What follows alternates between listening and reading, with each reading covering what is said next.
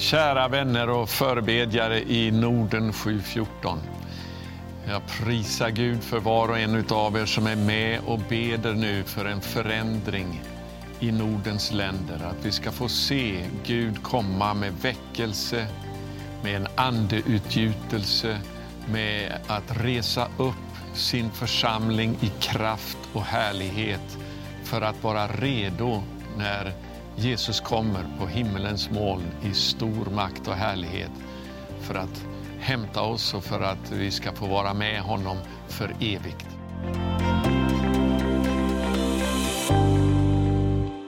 Jag vill uppmuntra dig att prenumerera på vår Youtube-kanal och också trycka på klockan så att du får ett meddelande i din inkorg när vi kommer ut med en ny video. Och om du gillar de här budskapen och vill att de ska nå ut så får du gärna vara med och stödja oss på något av sätten du ser här i bild, antingen Swish eller bankgiro. Tack! Den här eh, veckan så ska jag um, tala lite grann om höstens högtider som profeterar om Jesu återkomst. Och vi har ju talat om det tidigare nu under de här dagarna av omvändelse.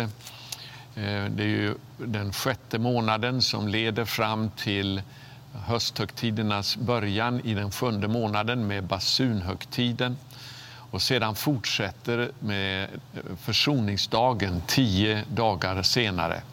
Och sedan ytterligare fem dagar senare så börjar den stora och största av alla högtiderna, lövhyddofesten. Alla de här högtiderna, det som jag har sagt tidigare, de profeterar om eh, Jesu återkomst, om Messias ankomst i härlighet, när han ska träda fram i sin faders härlighet.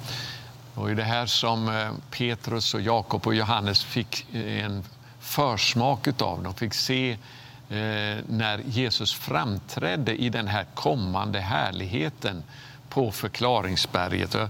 Jag ska faktiskt börja med att läsa där i Andra Petrus brev det första kapitlet, där Petrus sedan eh, skriver om detta från vers 16. Det var inte några utstuderade myter vi följde när vi förkunnade för er vår Herre Jesu Kristi makt och hans ankomst, utan vi var ögonvittnen till Jesu Majestät. Ty han blev av Gud Fadern ärad och förhärligad när en röst kom till honom från den upphöjda härligheten. Denne är min son, den älskade.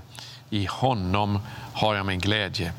Den rösten hörde vi själva från himlen när vi var med honom på det heliga berget. Och så sammanfattar Petrus med att säga då, så mycket fastare står nu det profetiska ordet för oss. Och ni gör väl i, eller ni gör rätt i, att hålla er till det som till ett ljus som lyser på en mörk plats tills dagen gryr och morgonstjärnan går upp i era hjärtan. Så en dag kommer Jesus alltså att träda fram på det här sättet inför hela världen. Precis som det står i Matteus 24, man ska få se Människosonen komma på himlens moln och alla jordens folk ska jämra sig och de ska få se när han kommer i stor makt och härlighet. Det var alltså en försmak av detta som Petrus eh, och Jakob och Johannes fick se på det heliga berget, på förklaringsberget.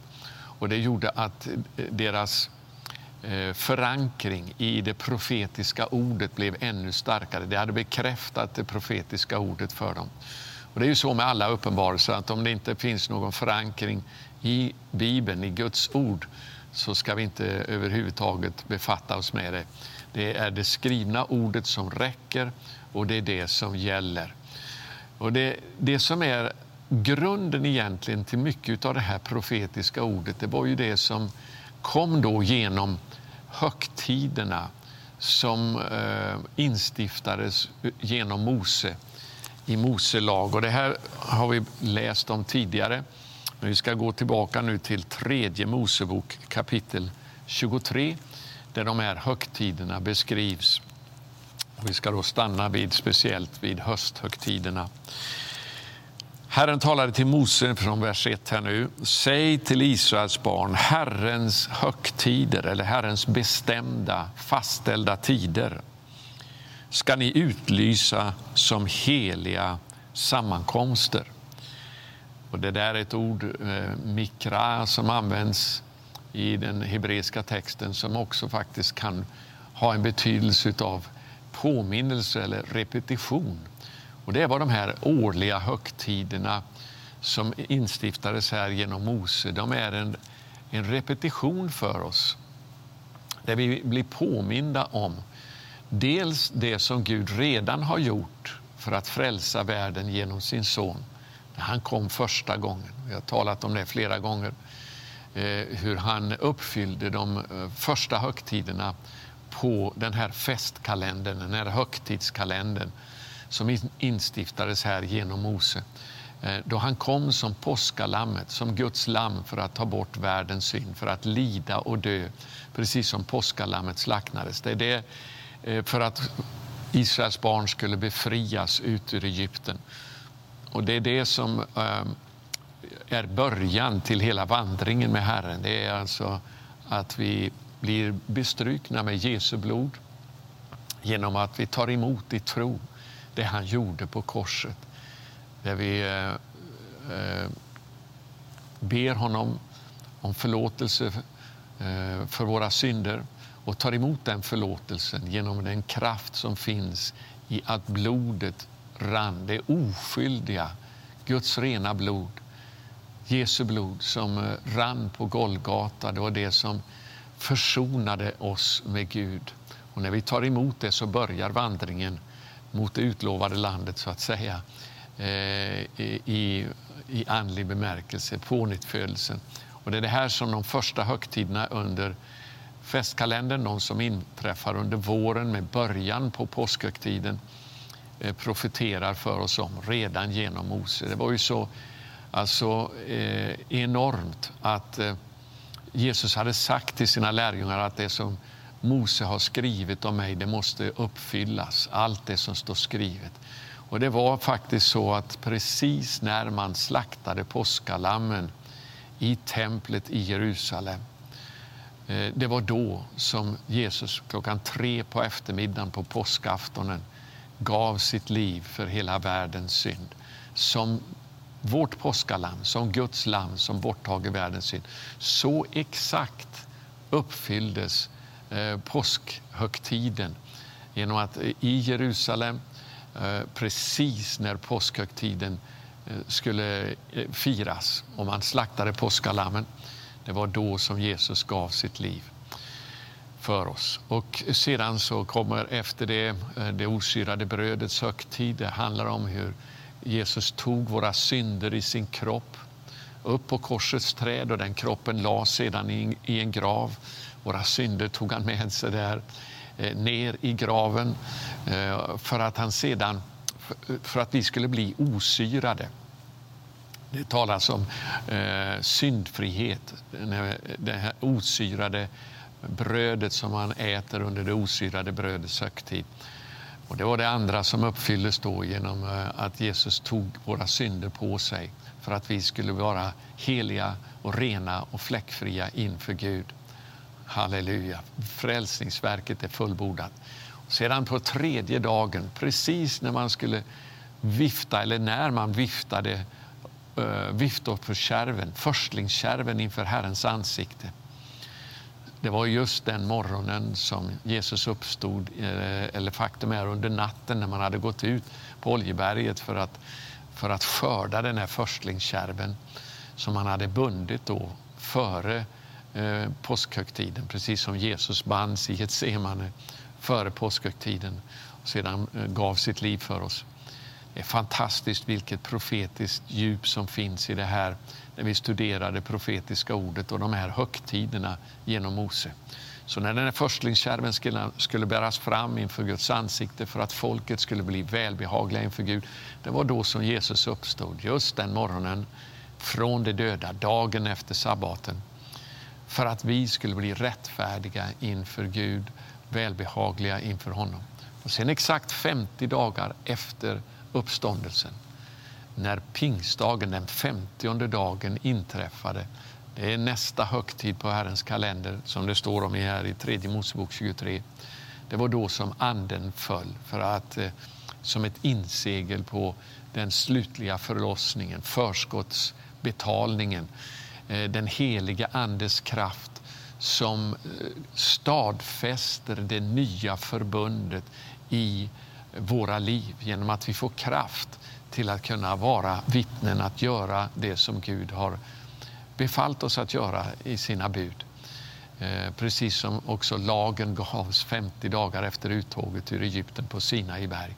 Det är det man firar på pingsthögtiden, eller veckohögtiden som den också kallas.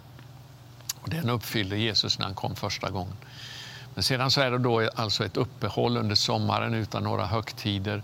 Så kommer den sjätte månaden, alltså i första månaden som påskhögtiden inträffar. Den sjätte högtiden, eller sjätte månaden. Det är då som förberedelserna börjar för de återstående fyra högtiderna.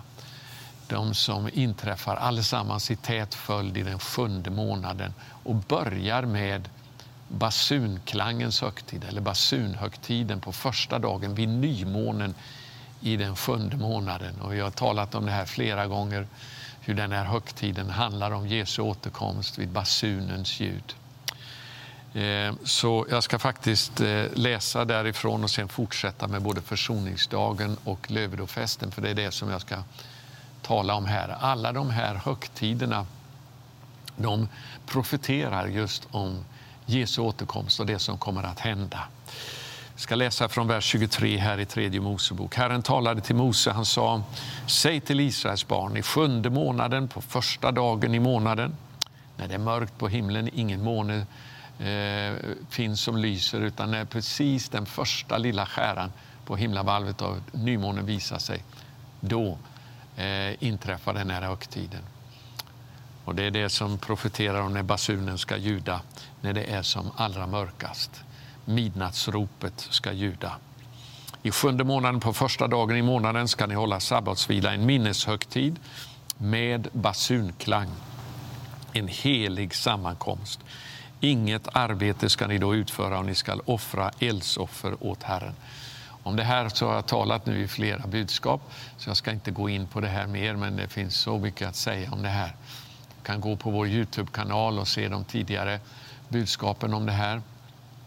Dels Gör dig redo inför Jesu återkomst, heter det första budskapet, och jag tog upp det här ämnet.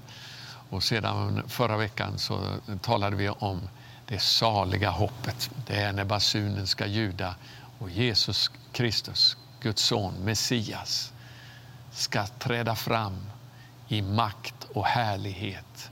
Det är det som Paulus kallar för det saliga hoppet eh, då han ska träda fram som eh, världens herre och mästare, konungarnas konung och herrarnas herre. Vilken dag det ska bli. För det är då Gud kommer att döma ondskan. Ondskan och orättfärdigheten kommer att få ett slut och rättfärdighet kommer att etableras. Rättfärdighet och frid och glädje över hela jorden. Så man kan se hur de här högtiderna de är ett utkast, ett profetiskt utkast av Guds frälsningsplan för världen genom Messias. Ska vi läsa vidare till nästa vers eh, här i tredje Mosebok 23, vers 26.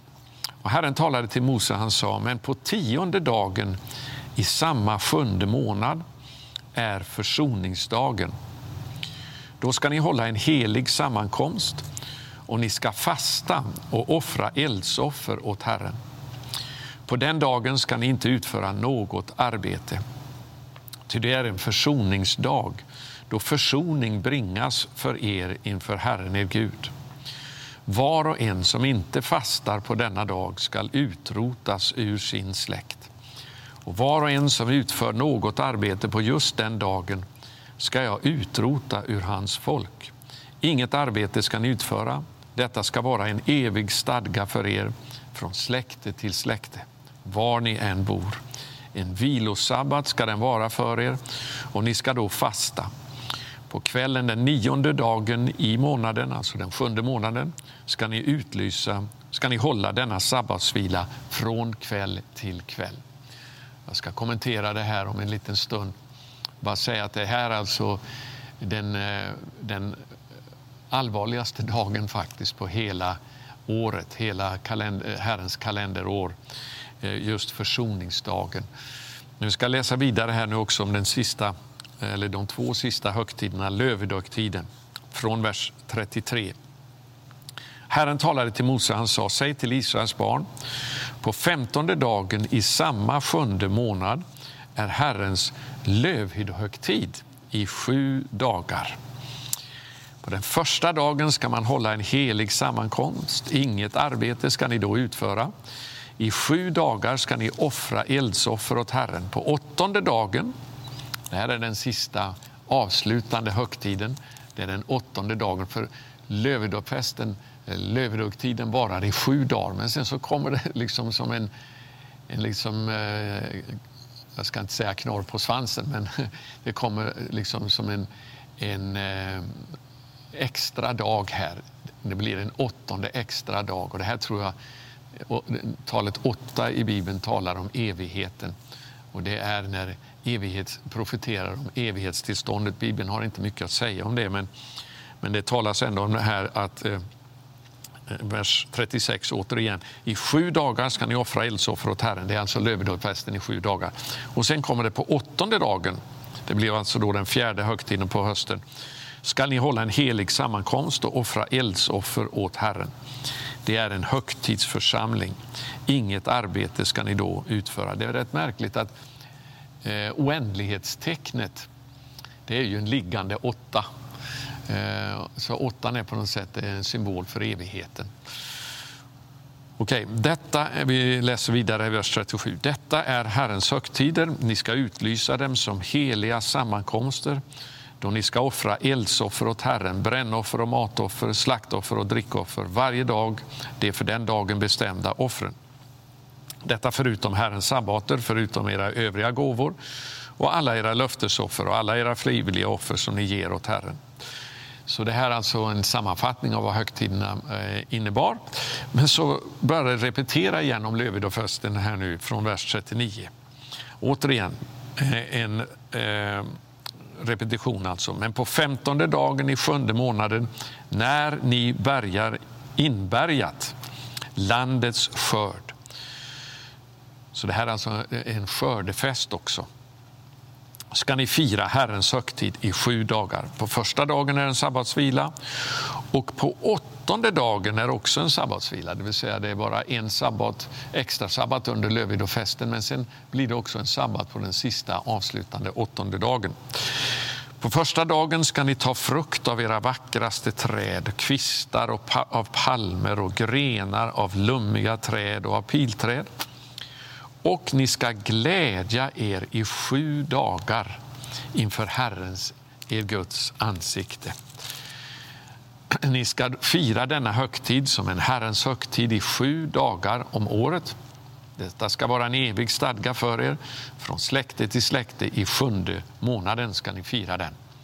Då ska ni bo i lövhyddor i sju dagar. Alla de som är infödda i Israel ska bo i lövhyddor för att era efterkommande ska veta att jag läst Israels barn bo i lövhyddor när jag förde dem ut ur Egyptens land. Jag är Herren, er Gud. Och Mose talade till Israels barn om Herrens högtider. Så eh, eh hösthögtiderna börjar alltså med basunhögtiden, precis som vi har talat om. Den första dagen i sjunde månaden, vid nymåne. Det är då som man blåser i basun för att profetiskt påminna om att eh, basunen ska ljuda ifrån himmelen och Herren själv ska stiga ner ifrån himlen eh, vid basunens ljud, en överängels röst. Eh, ett maktbud ska ljuda. Åh, vilken dag! Det, det kommer att bli en dag som det står i Sakarja. Jag vill att vi bara går där i Sakarja kapitel 14. Eh, där det står i vers Ehm, 6 så här. Det ska ske på den dagen. Det här alltså talas om då när, han, eh, eh, när Messias ska stå med sina fötter på Oljeberget i vers 4 eh, mitt emot Jerusalem. Precis samma plats där han får upp till himmelen. Det är precis samma plats han kommer tillbaka för att ställa sina fötter på Oljeberget och sedan göra sitt intåg in i Jerusalem. Oj, oj, oj. Fantastiskt. Och, och sen står det om den dagen, vers eh, 6. Det ska ske på den dagen att ljuset blir borta, himlens ljus ska förmörkas. Det är det här som eh, nymånen profeterar om när det är mörkt på himlen. Och så Det jag kommer till här nu det är i vers 7. Det blir en särskild dag känd av Herren. Inte dag och inte natt. Alltså en väldigt unik dag, en väldigt speciell dag. En dag olik alla andra dagar i hela världshistorien. När vår Herre träder fram i makt och härlighet på himmelens moln för att sätta sig på sin härlighetstron.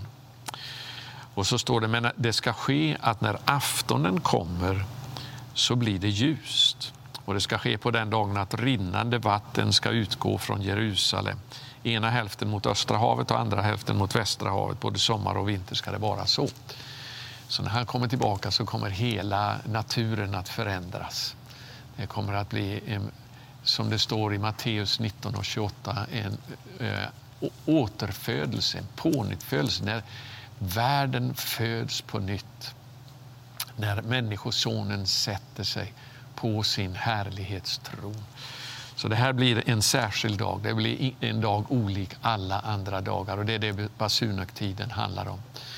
Men sen kommer då alltså försoningsdagen tio dagar senare. Och det är den allvarligaste dagen, precis som jag sa, på hela eh, kalenderåret, Herrens kalender. Och det är en dag som inte är en fest i den bemärkelsen därför att det är en dag då man fastar eftersom det är då som försoningen ska bringas för folket. Och, eh, den pågår då alltså från kvällen, aftonen, den nionde dagen fram till solnedgången den tionde dagen i den sjunde månaden. Och då, det här talar om just hur domen kommer att gå över hela världen mot all synd. Försoningen kommer att eh, liksom verkställas i det att det som inte redan har blivit försonat med Gud, det kommer Gud att döma. Han kommer att eh, rena hela världen ifrån synd för att världen ska bli förberedd för den sista, största högtiden, lövhyddofesten. Och det är en sån markant skillnad mellan den allvarliga försoningsdagen då liksom allt hänger på liv och död utifrån om man har omvänt sig till Gud eller inte. Men när solen går ner på försoningsdagen då är frälsningens dag definitivt över. Och då är det de som är redo för festen i Guds rike som eh, eh kommer att få vara med om den. Och den, den börjar alltså fem dagar senare och det handlar om den stora bröllopsfesten i Guds rike, Lövhyddofesten. Och, eh, det här lär oss någonting, att om vi ska få vara med i den glädjen när bröllopsfesten inträffar så måste vi först ha försonats med Gud genom att vi har omvänt oss till honom. Och de här omvändelsedagarna som har börjat första dagen i sjätte månaden eh, de fortsätter efter basunhögtiden ända fram till eh, försoningsdagen. Så att det blir sammanlagt 40 dagar av omvändelse. Eh, och det här är, är ju alltså om all, jag ska säga så här innan jag går in mera på detaljerna nu om de här återstående högtiderna. Att de här högtiderna står det om, eh, de firas alla vid årets slut. Så de är alla egentligen eh, nyårshögtider. Vilket betyder att de, de eh, profeterar allesammans av olika aspekter kan man säga av det som kommer att hända vid Jesu eh, återkomst. Jag ska läsa eh, om den här lövhiddofösten också i, Eh, från femte Mosebok kapitel 16 och vers 13. Lövhyddohögtiden ska du fira i sju dagar sedan du har inbärgat avkastningen från din tröskplats och från din vinpress. Det är alltså skörden har bärgats, den, är, den har bärgats in. Skörden handlar om människor också som kommer till tro. Det är en bild ska jag säga, på människor som har, blivit, eh, som har omvänt sig och eh, fått, blivit försonade med Gud. De är redo eh, att gå in i den sista avslutande festen. Och eh, det är en skörd som då har bärgats av människor som har blivit frälsta. Vers 14. Du ska glädja dig vid denna högtid. Jag vill säga det att det, det som är det gemensamma temat för den sista högtiden, här Lövedöfesten, och som upprepas ständigt, det är att det är en glädjefest. Det är glädjens, alla högtider är egentligen glädjehögtider, men det här är glädjens högtid framför alla andra. För Det handlar om den stora festen i Guds rike. Du ska glädja dig vid denna högtid med din son och din dotter, din tjänare och tjänarinna, med leviten, främlingen, den faderlösa och änkan som bor inom dina portar. I sju dagar ska du fira Herrens, din Guds, eh, högtid Eh, på den plats som Herren utväljer. Ty Herren din Gud ska välsigna dig i all den avkastning du får och i allt vad dina händer har uträttat. Och du ska vara fylld av glädje. Det här kan översättas på eh, olika sätt. Bland annat att du ska bara vara glad. Du ska enbart vara glad.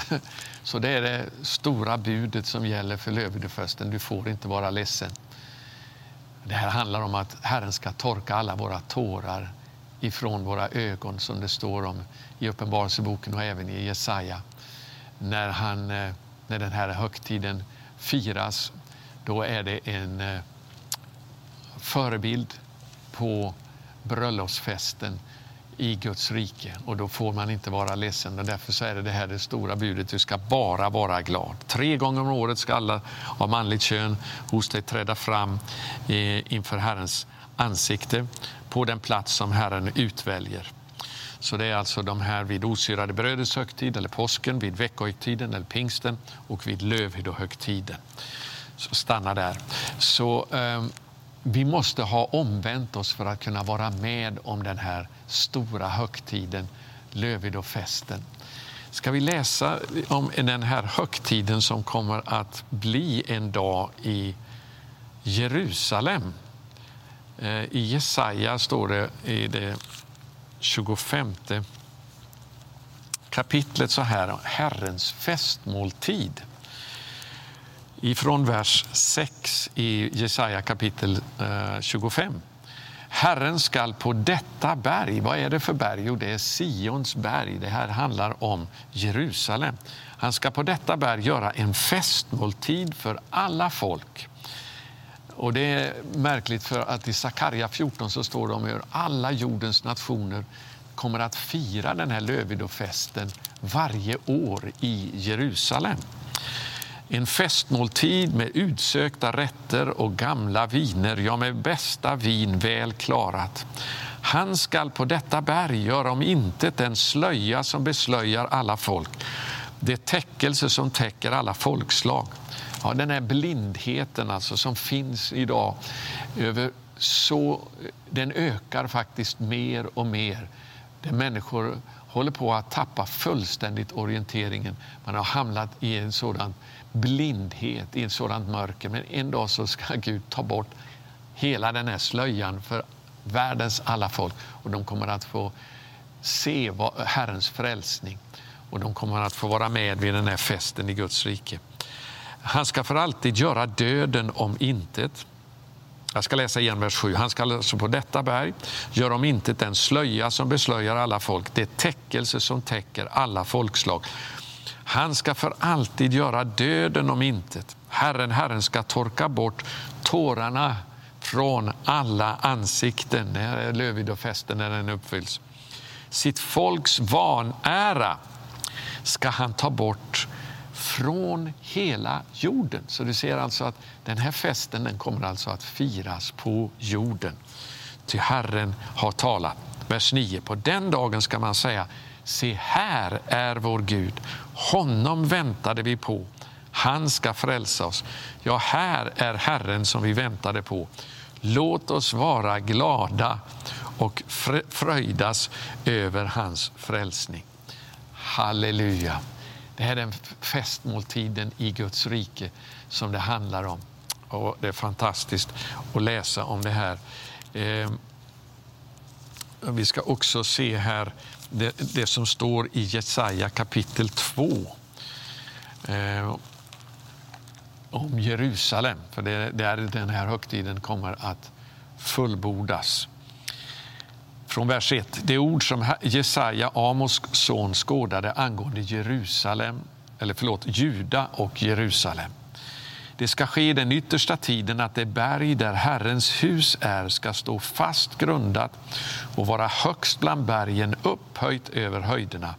Alla hedna folk skall strömma dit. Ja, många folk ska gå iväg och säga kom, låt oss gå upp till Herrens berg, till Jakobs Guds hus. Han ska undervisa oss om sina vägar så att vi kan vandra på hans stigar. Ty undervisning ska gå ut från Sion, Herrens ord från Jerusalem. Och vad händer då när Herrens ord går ut ifrån Jerusalem och undervisningen från Sion? Jo, vers 4. Då ska han döma mellan hedna folken och skipa rätt åt många folk. Han ska döma över de olika nationerna och då ska de smida sina svärd till plogbillar och sina spjut till vingårdsknivar. Folken skall inte mer lyfta svärd mot varandra och inte mer träna sig för krig. Kom ni av Jakobs släkt, låt oss vandra i Herrens ljus. Det är som det står i den gamla sången, det ska bli frid på vår jord i tusen år en gång. Det är när Messias kommer tillbaka för att sätta sina fötter på Oljeberget sedan göra sitt intåg i Jerusalem för att sätta sig på sin fader Davids tron i Jerusalem, på tempelplatsen. Och därifrån ska han, eh, hans ord gå ut för att döma mellan alla hedna folk. Och de ska inte mer lära sig att kriga och strida utan det ska bli fred och frid på vår jord. Och inte bara frid i den bemärkelsen att det är avsaknad av krig. Det kommer att vara lycka, Guds rike kommer att utbreda sig på jorden. Och det vet vi, Paulus säger att Guds rike det består av rättfärdighet, frid och glädje i den heliga Ande. Så frid är i mitten där, det är en, eller fred, det är en av de som, eh, sakerna som karaktäriserar Guds rike, men också glädje och rättfärdighet. Det här finns i den heliga Ande idag för oss att kunna uppleva på insidan, men en dag så ska hela världen få eh, fyllas, hela jorden ska fyllas av den här härligheten i Guds rike. Och alla folk ska vandra upp till Jerusalem för att lära sig att vandra på Herrens vägar. Och det står då, folken ska inte mer lyfta svärd mot varandra och inte mer träna sig för, för, för krig. Det är märkligt att just den här meningen här i vers 4, den står ju skriven på eh, FNs högkvarter i New York. Man har tagit det här löftet att det inte ska bli några mer krig på jorden. Jag känner också till den här sången som finns på svenska. En natt jag drömde något som jag aldrig drömt förut.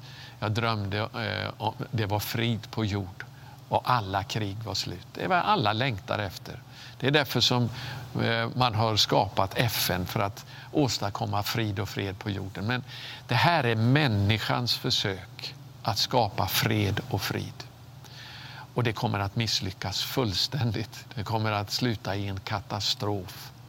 Men Gud ska döma det och upprätta sitt rike med fred och frid över hela jorden genom Messias, genom Jesus Kristus när han kommer tillbaka som konungarnas konung och herrarnas herre. herre för att regera och, och, eh, över hela jorden. Då kommer det här eh, ordet att uppfyllas från Jerusalem, inte från New York utan ifrån Jerusalem. Det är Jerusalem som har kallelsen och det är därför vi ska be om Jerusalems frid. Eh, önska Jerusalem frid, står det, eller be om Jerusalems frid. Eh, i psalm 122. Eh, och det är därför, för när Jerusalem får frid och fred, då kommer hela världen att få frid. Och hur kommer Jerusalem att få frid och fred? Jo, genom Messias, genom Jesu återkomst. Så det är det här som hösthögtiderna profeterar om och som vi blir påminda om under den här tiden på året då de här högtiderna infaller.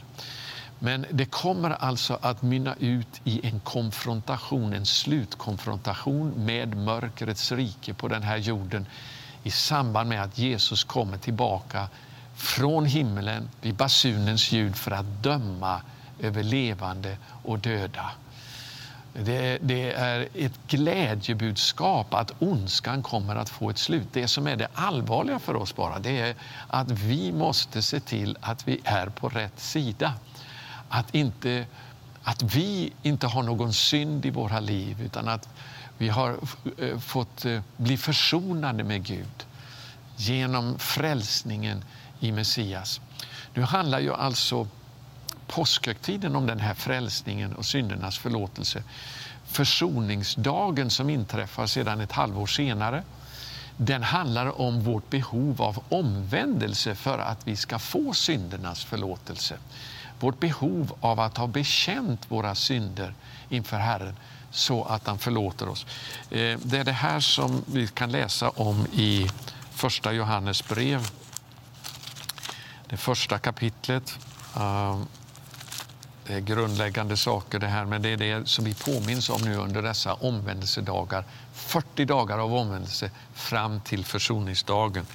Första Johannes brev, det första kapitlet, där det står så här ifrån vers 8. Ehm, om vi säger att vi inte har synd, vi, säger Johannes, skriver han här, tala, skriver till de troende. Det handlar alltså om sådana som redan är frälsta. Om vi säger att vi inte har synd, då bedrar vi oss själva. Sanningen finns inte i oss. Men, vers 9, om vi bekänner våra synder, då är han trofast och rättfärdig så att han förlåter oss våra synder och renar oss från all orättfärdighet. Och så upprepas det igen. Om vi säger att vi inte har syndat, då gör vi honom till en lögnare och hans ord är inte i oss. Det vill säga, ingen av oss är fullkomlig. Alla begår vi fel, men det, det här måste vi bekänna inför Herren för att han ska förlåta oss och rena oss ifrån all orättfärdighet. Och det är vad vi blir påminda om under dessa omvändelsedagar som inte slutar vid basunhögtiden utan fortsätter också fram till försoningsdagen för att vi ska kunna vara helt redo för den stora festen som inträffar då när, när eh, försoningsdagen är över och lövedofesten börjar. Glädjehögtiden framför alla i de himmelska underbara salarna som vi kommer att få vara med om i all evighet. Det här är ju ett frälsningsbudskap. Du kanske lyssnar på det här och du är osäker på om du får vara med på den festen eller inte. Det jag vill säga till dig är att du ska böja dina knän idag inför konungarnas konung och herrarnas herre, han som gav sitt liv för dig i döden och, och dog på Golgata kors. Hans blod som rann för att du skulle kunna få ta emot försoning och förlåtelse. Du måste bekänna din synd och be honom om förlåtelse och rening. För då renar hans blod dig ifrån all synd. Du får uppleva glädjen över syndernas förlåtelse genom att du säger jag, jag bekänner att jag är en syndare. Jag ber dig förlåt mig för det jag har syndat emot dig, mot himlen och inför dig, precis som den förlorade sonen sa. Eh, och även det vi har gjort fel emot människor, det får vi göra upp sedan efteråt också. Om vi behöver göra upp saker med människor. Men just den här bekännelsen av vår synd som är så nödvändig för att vi ska kunna få ta emot förlåtelse och rening för vår synd. Och det är ju inte så att vi, bara för att vi har blivit frälsta, så blir vi fullkomliga och syndar aldrig mer. Nej, vi behöver ständigt omvända oss från vår synd och bekänna den inför Gud. För att allting ska vara klart med vår frälsare när han kommer. Det är ju någonting som vi gör ständigt, året runt, men vi blir påminda om det speciellt vid den här tiden på året i samband med att de här högtiderna inträffar på Herrens kalender, hösthögtiderna.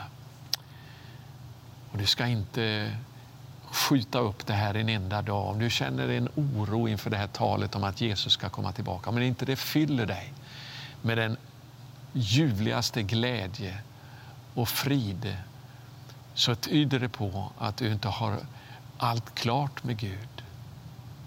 Ditt samvete eh, manar dig till att be om förlåtelse och rening. Då ska du göra det. För det är vad försoningsdagen handlar om. När eh, vi får omvända oss och det är, därför så står det om att alltså, vi kan ju aldrig förtjäna våra synders förlåtelse. Aldrig i livet. Men försoningsdagen, det är en dag av fasta. För det handlar om att vi omvänder oss ifrån vårt eget, våra egna begär, vårt eget liv. Vi säger nej till det för att säga ja till Jesus, för att säga ja till honom. Att han ska få vara Herre helt och fullt för om han inte är herre över allt så är han inte herre över någonting. Han kan inte vara herre bara över en liten del av våra liv. Han måste vara herre över allt. Det är budskapet som föregår försoningsdagen. Tio dagar efter basunhögtiden. Bland det judiska folket så kallas de här dagarna mellan eh, basunhögtiden och försoningsdagen för de högheliga dagarna och även dagarna av bävan.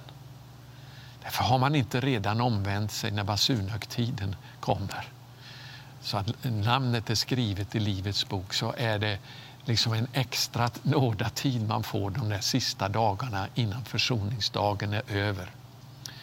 Då man eh, får ransaka sig eh, på riktigt på allvar med, som avslutas med fastan. Då för att helt och hållet bli fren och fri ifrån sin synd. För då är himmelens glädje eh, vår. Då väntar den himmelska festen. Så gå inte miste om den här lärdomen som finns i de här högtiderna. Basunhögtiderna ska komma vid den sista basunens ljud. Försoningsdagen. Alla de här högtiderna, både basunhögtiden, försoningsdagen och lövedöfesten är nyårshögtider.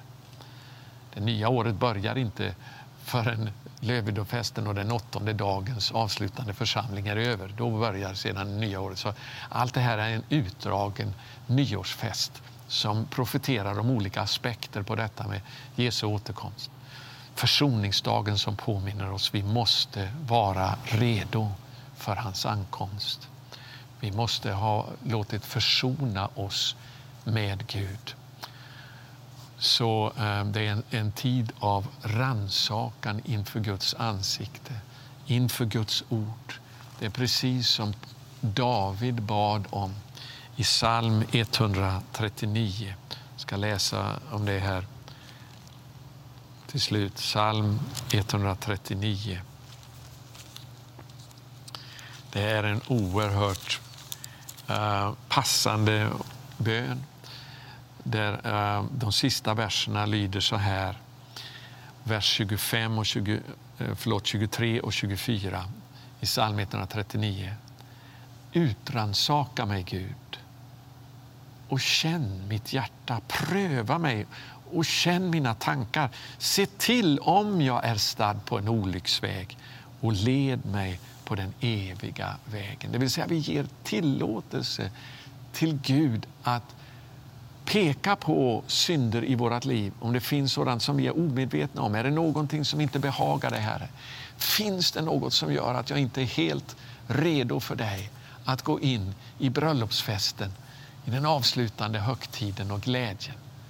Så att jag kan bekänna det nu, innan du kommer. Vi ska, alltså, vad Gud är ute efter, det är en brud som har gjort sig redo för bröllop. En brud som har gjort sig redo för, för Messias. Uh, I Efesierbrevet 5, 25-27. Ni män älskar era hustrur så som Kristus har älskat församlingen och offrat sig för den, för att helga den sedan han renat den genom vattnets bad i kraft av ordet. Låt Guds ord skölja över dig. Precis som Jesus sa till lärjungarna vid den sista måltiden. Ni är redan nu rena i kraft av det ord som jag har talat. Låt honom få tala till dig genom sitt ord så att du kan omvända dig från allt som inte är i enlighet med Guds ord. Ty han, eh, som det står i den äldre översättningen, ty så vill han ställa fram församlingen inför sig i härlighet utan fläck eller skrynkla eller något annat sådant. Helig och fullkomlig skulle den vara. Ja, en sådan brud, ett sådant folk vill Jesus ha när han kommer. Och Det är därför som vi vädjar till alla att omvända sig till Gud för att vara redo för hans ankomst. Så att vi kan gå in i den avslutande underbara lövhyddofesten. Och då står det om att, eh, som precis som vi läste, att allt Guds folk ska bo i lövhyddor för att påminna om hur man bodde i lövhyddor under, när man kom ut ur Egypten. Det här är en bild på hur vi genom ökenvandringen i det här livet pilgrimsfärden genom det här livet som liknas vid en ökenvandring på väg till det utlovade landet, det himmelska landet. Att vi under den här tiden i all enkelhet som vi, eh, så är Gud makt att bevara oss, att ge oss det vi behöver. Precis som han bevarade Israels folk under 40 år i öknen, gav dem mat att äta, beskyddade dem eh, och vägledde dem.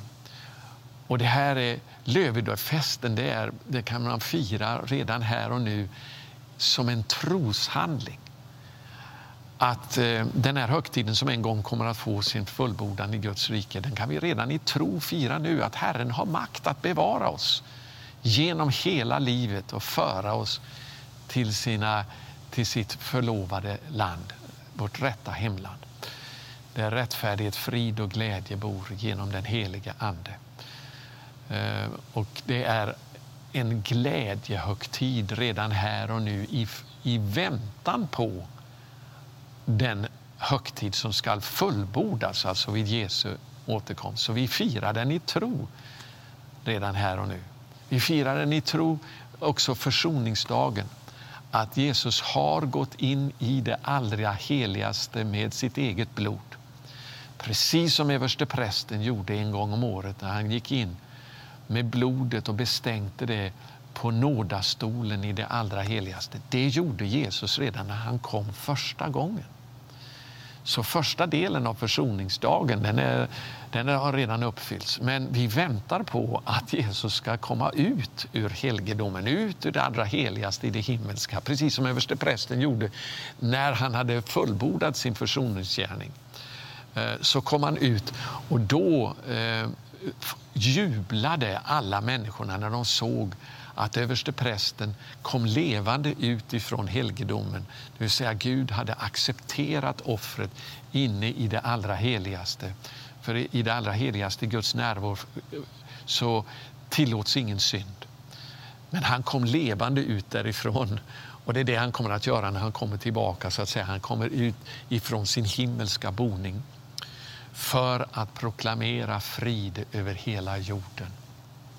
Eh, vi ska avsluta nu med att läsa om det här i Hebreerbrevets nionde kapitel. Eh, där det står om det här med Messias som överste präst. Från vers 11. Eh, Men nu har Messias kommit som överste präst för det goda som vi äger, står det här i folkbibeln. Och det är underbart, vi äger redan det här goda. Men egentligen så står det eh, också i andra handskrifter för det goda som kommer. Jag tror att i den äldre bibelöversättningen så stod det för det goda som vi redan nu äger. Det vill säga vi har fantastisk eh, upplevelse av Guds frid i våra hjärtan därför att vi har fått våra synder förlåtna. Men det här är alltså också något som talar om någonting som kommer att komma i sin fulländning i samband med Jesu återkomst. Och han gick alltså, vi fortsätter att läsa vi själva här i Hebreerbrevet 9. Genom, han gick genom det större och fullkomligare tabernakel som inte är gjort med händer, det vill säga som inte tillhör den här skapelsen, gick han en gång för alla in i det allra heligaste, inte med bockars och kalvars blod, utan med sitt eget blod och vann en evig återlösning. Halleluja, det här har redan uppfyllts. Det här är frälsningens dag. Har, han har redan fullbordat frälsningsverket. Eh, och så står det så här i avslutningen av, av Hebreerbrevet 9, från vers 27. Och liksom det är bestämt om människan att hon en gång ska dö och sedan dömas, så blev Kristus, så blev Messias offrad en gång för att bära många synder. Och han skall en andra gång träda fram. Det här är alltså hans återkomst. Inte för att bära synd, utan för att frälsa dem som väntar på honom. Halleluja, han ska träda fram precis som överste prästen gjorde på försoningsdagen när han kom ut ur helgedomen och uttalade välsignelsen, proklamerade frid, att eh, han kom med frälsning för det kommande året. Det här var ju någonting som upprepades varje år. Eh, men vi har en överstepräst som har gått in en enda gång för alla tider för att proklamera den frälsning som gäller när vi har tagit emot försoningen genom hans blod. Halleluja. Så eh, Vi kan läsa också ifrån, ifrån vers 24. Ty Messias gick inte in i en helgedom som är gjord med händer och som bara är en bild av den verkliga helgedomen. Han gick in i själva himlen för att nu träda fram inför Guds ansikte för vår skull. Han representerar oss som vår överste präst inför himlen. När vi har bekänt honom som Herre i våra liv, då är han vår överste präst som eh, försonar oss med Gud och som talar om förlåtelse inför Fadern på grund av det blod som han har utgjutit för oss. Eh, och inte heller gick han in eh, för att offra sig många gånger så som översteprästen varje år går in i det allra heligaste med blod som inte är hans eget.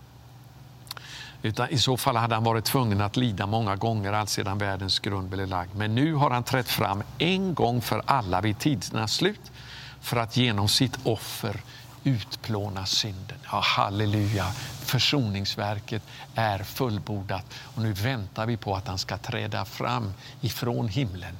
Från himlen väntar vi vår konung, vår mästare, vår överste präst för att vi ska få vara med honom i den himmelska glädjen när eh, domen drabbar de ogudaktiga och syndarna på denna jord. Så ska hela jorden renas, precis som försoningsdagen renade templet. Det renade altaret, det renade folket. Alltsammans renades under försoningsdagen så skall också hela jorden renas ifrån all ogudaktighet och all synd och den verkliga festen ska börja i Guds rike. Halleluja. Vi ska avsluta nu med att tacka Gud för detta profetiska ord som lyser som ett ljus i en dyster vildmark. Far, vi tackar dig för frälsningen som du har berett genom din älskade son. Tack för att han kom första gången för att lida och dö, för att fullborda frälsningsverket. Att, eh, han har gått in i det allra heligaste, i det himmelska tabernaklet för att bära fram sitt eget blod, precis som översteprästen gjorde en gång om året på försoningsdagen för både sin egen synd men också för hela folkets synd så vet vi att vår överst, himmelske överstepräst behövde inget blod för sig själv. Han var fullkomlig. Men han bar fram det för vår skull, för att vinna en evig frälsning. Och nu väntar vi att han ska träda fram ur helgedomen, ur det himmelska för att återvända med frid och fred och rättfärdighet över hela jorden. Vi väntar på honom till frälsning undan den ogudaktighet och synd och orättfärdighet som har besudlat den här jorden, besudlat hela skapelsen som du har skapat till din ära. Nu ber vi att vi ska få vara med om att bärga en skörd av människor in i ditt rike. Vi ber om väckelse. Vi ber om en andeutgjutelse så att många kan få vara med på den stora festen i Guds rike när lövhyddofesten, när lövhyddotiden uppfylls. Ber om din välsignelse över varje förebedjare. Halleluja. Smörj dem. Smörj var och en med din heliga smörjelseolja, din heliga Ande. För vi vet inte hur vi ska be. Men Anden kommer vår svaghet till hjälp. Du lär oss hur vi ska be för att vi ska få bönesvar och för att vi ska få se ditt rike komma. Skörden måste ju bärgas först och sedan kommer slutet då du upprättar ditt rike på denna jord. Herre, låt oss få vara med att se en väckelsetid över våra länder i, Norden och inte bara i Norden, över hela Europa och världen. Du ska församla ditt folk in i ditt rike och bärga en stor skörd. Smörj oss med din heliga Ande till att kunna be för detta. Tack för den här bönerörelsen som du har rest upp, Norden 714. Tack för att vi får kalla till omvändelse. Vi ber att omvändelsens budskap ska gå ut över hela jorden för att förbereda ett rent och heligt folk, en helig brud inför Messias ankomst i makt och härlighet. Tack Fader för din frälsning. I Jesu namn. Amen. Gud välsigna dig. Glöm inte att sprida de här budskapen så mycket du kan uppmuntra andra att gå med i den här bönerörelsen. Låt oss få se en väckelserörelse som svar på bön. Tack och Gud välsigna dig.